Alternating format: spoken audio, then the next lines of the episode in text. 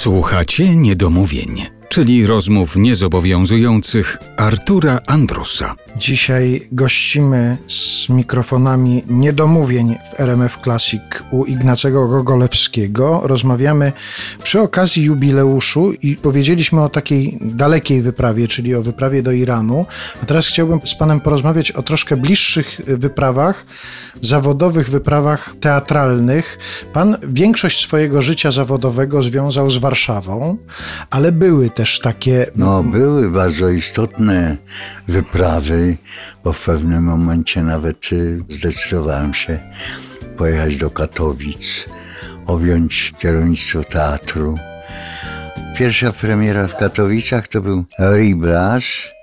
No i potem poszło, bo rzeczywiście tak jak odsłoniła się kurtyna i publiczność zobaczyła te ferie kolorów, zrozumiałem, że ten region potrzebował koloru. Wychodzi się na ulicę, było szaro. Moja świętej pamięci mama, kiedy przyjechała, powiedziała: Syneczku, gdzie ty tutaj przyjechałeś? Co tu ty będziesz robił? Przecież tutaj jest czarno, mglisto. Pobyła tam dwa, trzy dni, mówi: Odwieź mnie na dworzec, ja sobie już wrócę do Otwocka przepraszała, że nie może tutaj dłużej pobyć. No a ja, skoro się podjąłem, byłem tam trzy sezony. To były lata 70. i w momencie, kiedy zetknąłem się z ówczesną władzą, no ona tam bardzo, bardzo mnie egzaminowała. Bardzo istotne było takie spotkanie z panem generałem Wziętkiem. Sekretariat pana generała zadzwonił, powiedział w wyjątkowych okolicznościach pan generał zaprasza pana do siebie. Zazwyczaj przyjmuje petentów od piątej, ale w pana wypadku zaproponował godzinę ósmą. No więc przyszedłem i opowiadam, co tam w tych Katowicach chce działać. On przeglądał bardzo ważne, istotne, na pewno dużo ważniejsze sprawy. Przeglądał, słuchał. Tak, tak, niech pan, niech pan mówi, niech pan mówi. No, po dziesięciu minutach zamilkłem.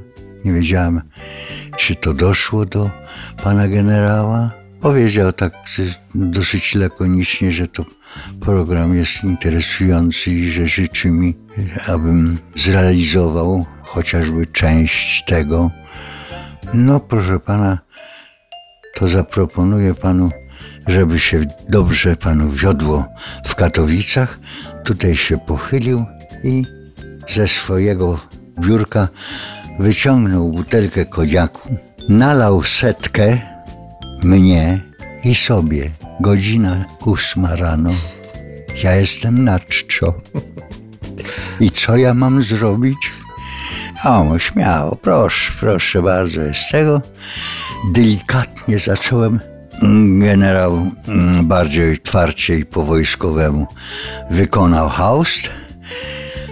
A co ja miałem zrobić z tą resztą tego koniaku? Przecież na setka to obala człowieka z nóg.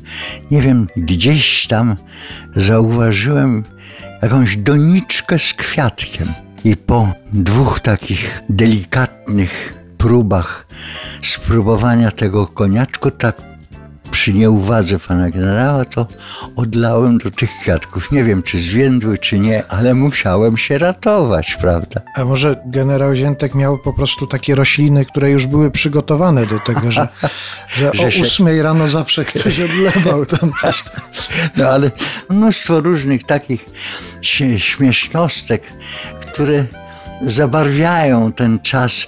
On nie był, nie był łatwym czasem, no, ale to była dla mnie dobra szkoła.